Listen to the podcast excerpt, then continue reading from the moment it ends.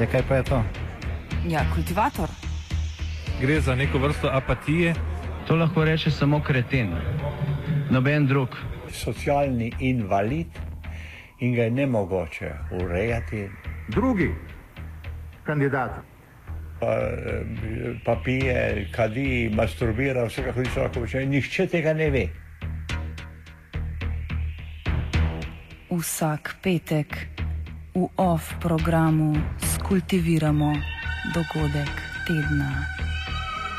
Lahko po kriterijih radio študent, težko pa po evropskih kriterijih. Ampak na drug način, kot vi to mislite. Kultivator vedno užge. Da pač nekdo sploh omenja probleme, ki so, in da pravzaprav sploh nekdo sproži dogajanje uh, v družbi.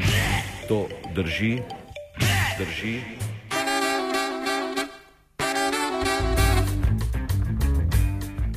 Komu jemlje Robin Hood?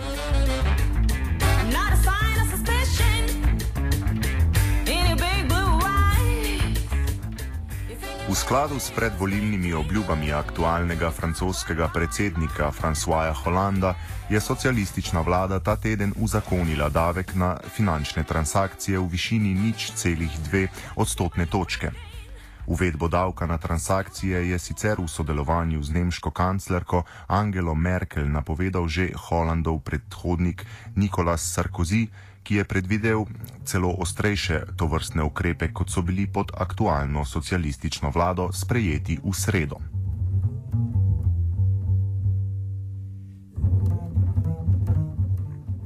Davek, ki velja ob nakupu delnic, so takoj pospremile kritike zasebnega sektorja, ki v tem vidi zniževanje konkurenčnosti francoskega gospodarskega okolja in predvideva, da bo Francija zaradi tega postala manj privlačna za investicije.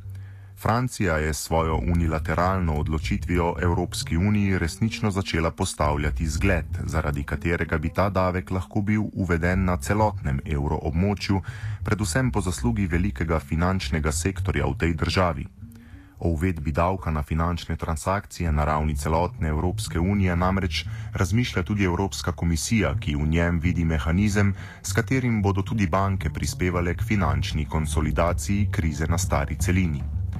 Predlog pa je bil kljub nasprotovanju Velike Britanije in Švedske sprejel tudi Evropski parlament.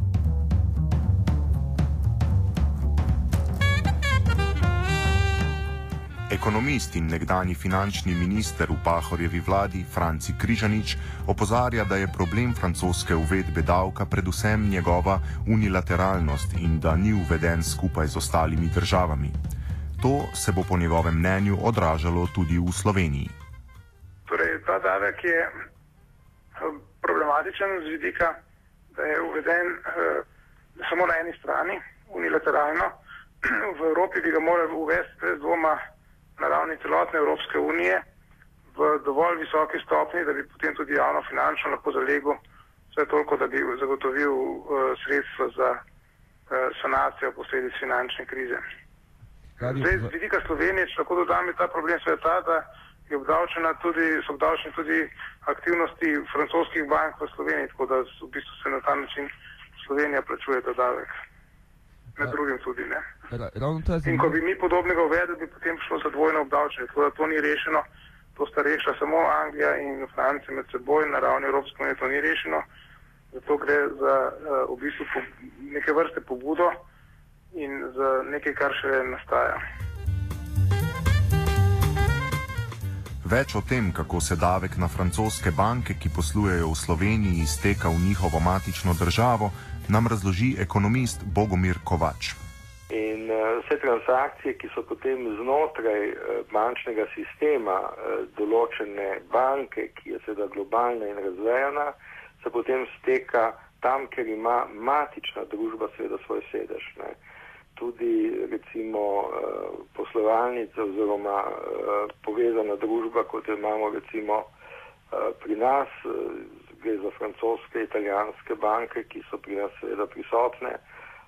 tako v Ljubljani kot v Kopru, da bi v tem primeru po takšnem principu seveda vse finančne transakcije znotraj teh globaliziranih finančnih inštitucij, teh globalnih bank se seveda stekale tja, kjer pravzaprav imajo banke svoj osnovni sedež.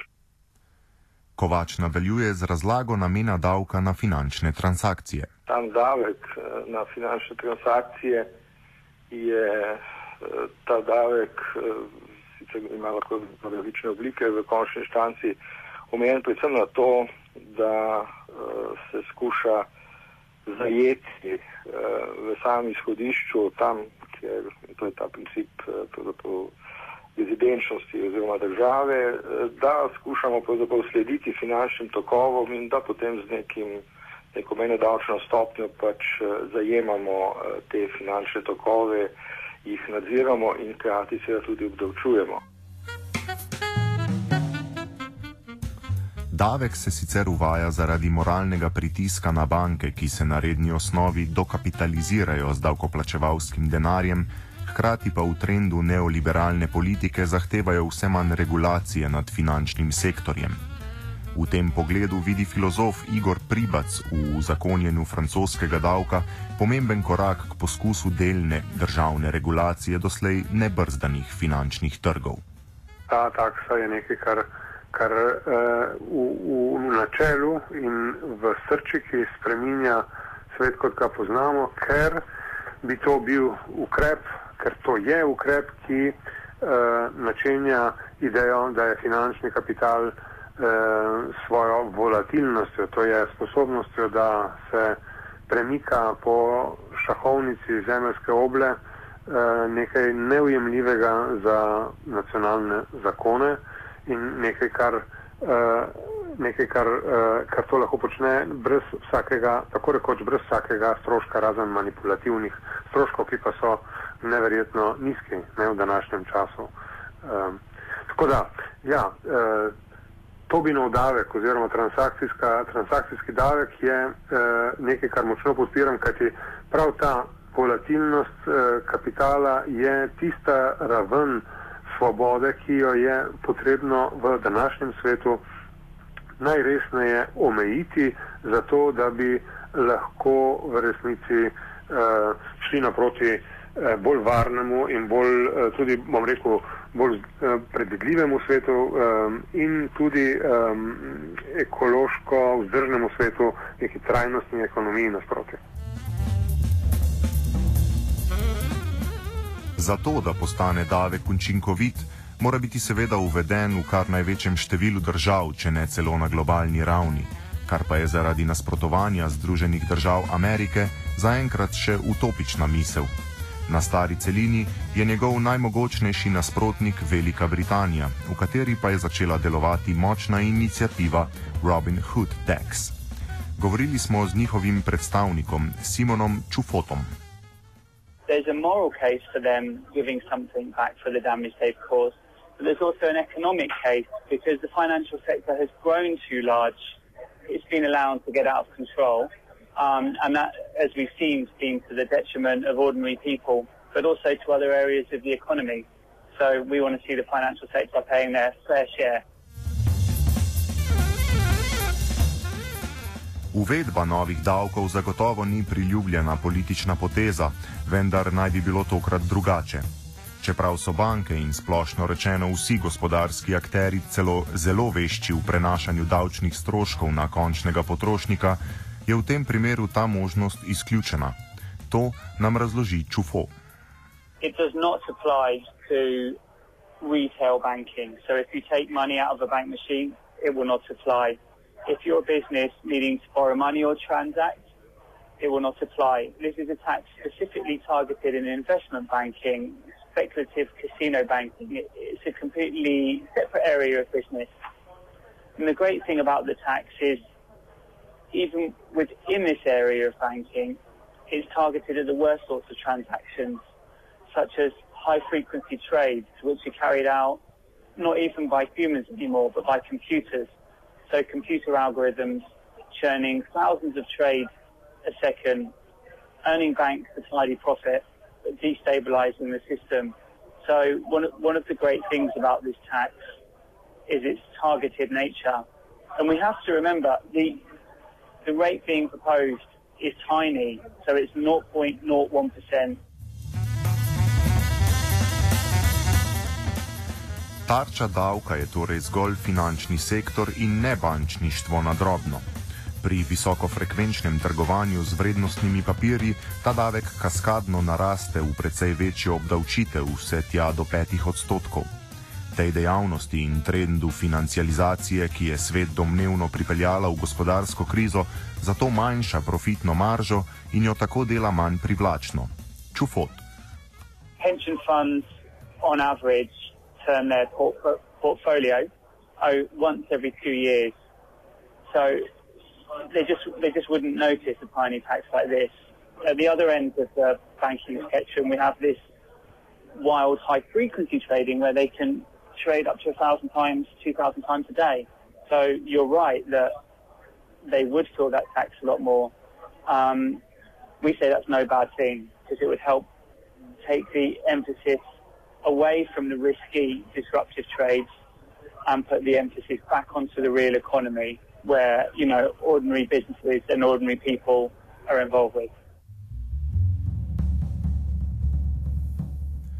Kot pa nas je opomnila novica iz preteklega tedna, po kateri naj bi bilo v offshore bankah plasiranih najmanj 17 bilijonov evrov, ima finančna kriza precej globje korenine od zgolj finančnih špekulacij. Nenadzorovanost finančnih tokov namreč kliče po večji regulaciji. Odgovarja Franci Križanič, ki je mnenja, da zgolj ukrep uvedbe davka na finančne transakcije ni zadosten. Pri tem ima v mislih predvsem Slovenijo.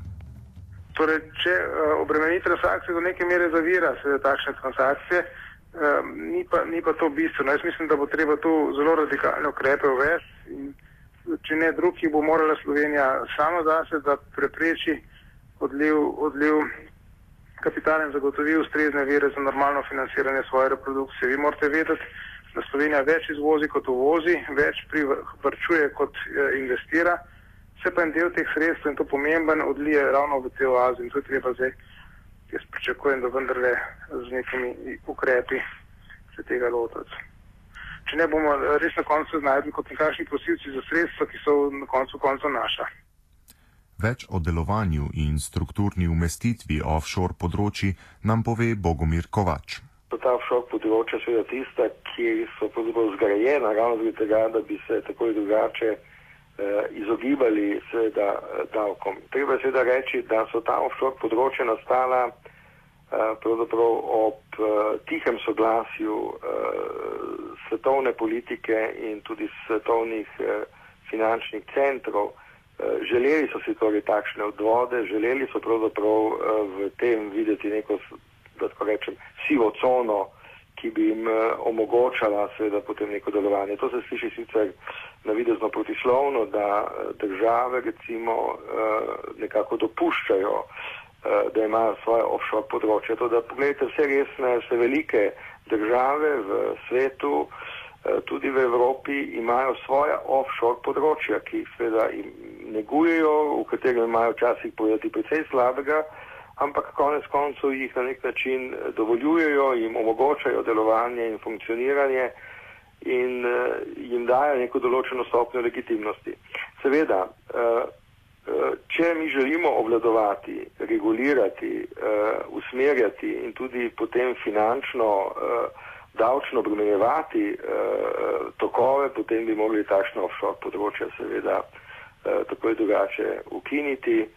Uh, žal pa je to zopet tisto, o čemer smo na začetku govorili, vprašanje uh, davka na finančne transakcije, je vprašanje neke politične odločitve, neke politične volje. Primarno mislim, da v samem ekonomskem smislu gre za relativno zelo enostavno zadevo zajemanja tega, pravi to nomotehnično, ekonomsko ni eh, problematičen eh, davek, je pa zelo problematičen z vidika politične odločitve.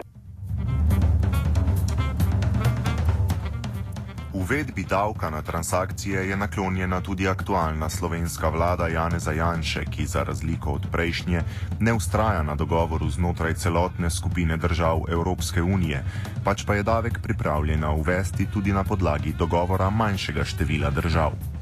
Na finančnem ministrstvu za izjavo niso bili dosegljivi, so pa že pred dnevi sporočili, da je v pripravi predlog zakona, ki bi uvajal to vrstni davek. Po ocenah vladajo, vladajoče slovenske demokratske stranke bi ob davčni stopni nič cela ena odstotka davek na letni ravni prinašal 15 milijonov evrov sredstev. Nekdanji finančni minister Franci Križanič nasprotno meni, da bi davek prinesel bolj malo, približno toliko, kot je prinašal davek na bilančno vsoto, ki ga je predlagalo njegovo ministrstvo v času Pahorjeve vlade. Imamo zelo malo. Isto kot eh, davek od bilančne vsote, eh, rank eh, pod 10 milijonov evrov.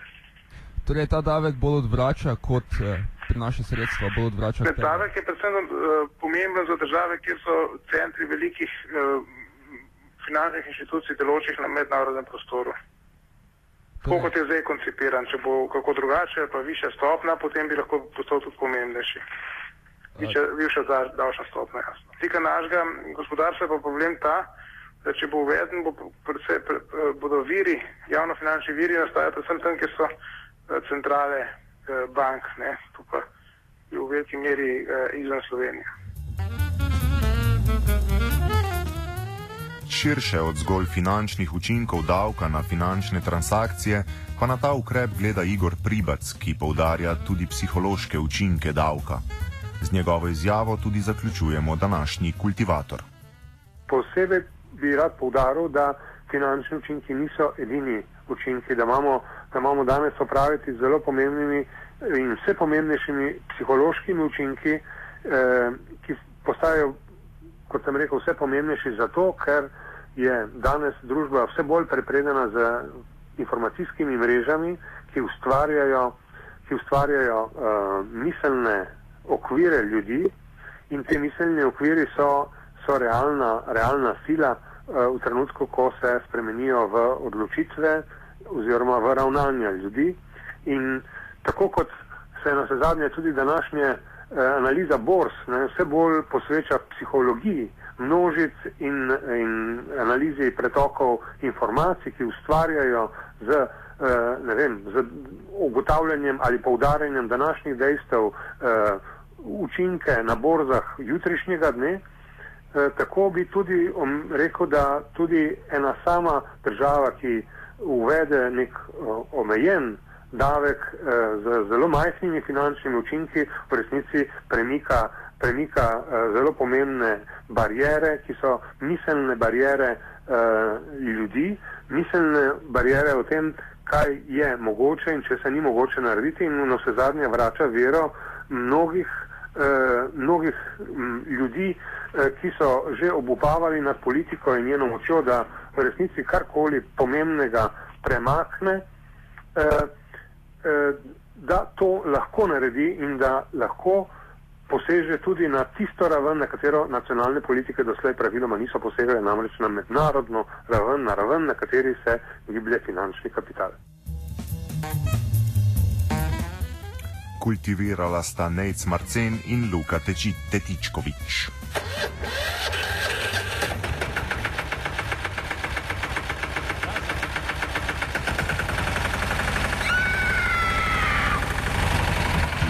Ja, kaj pa je to?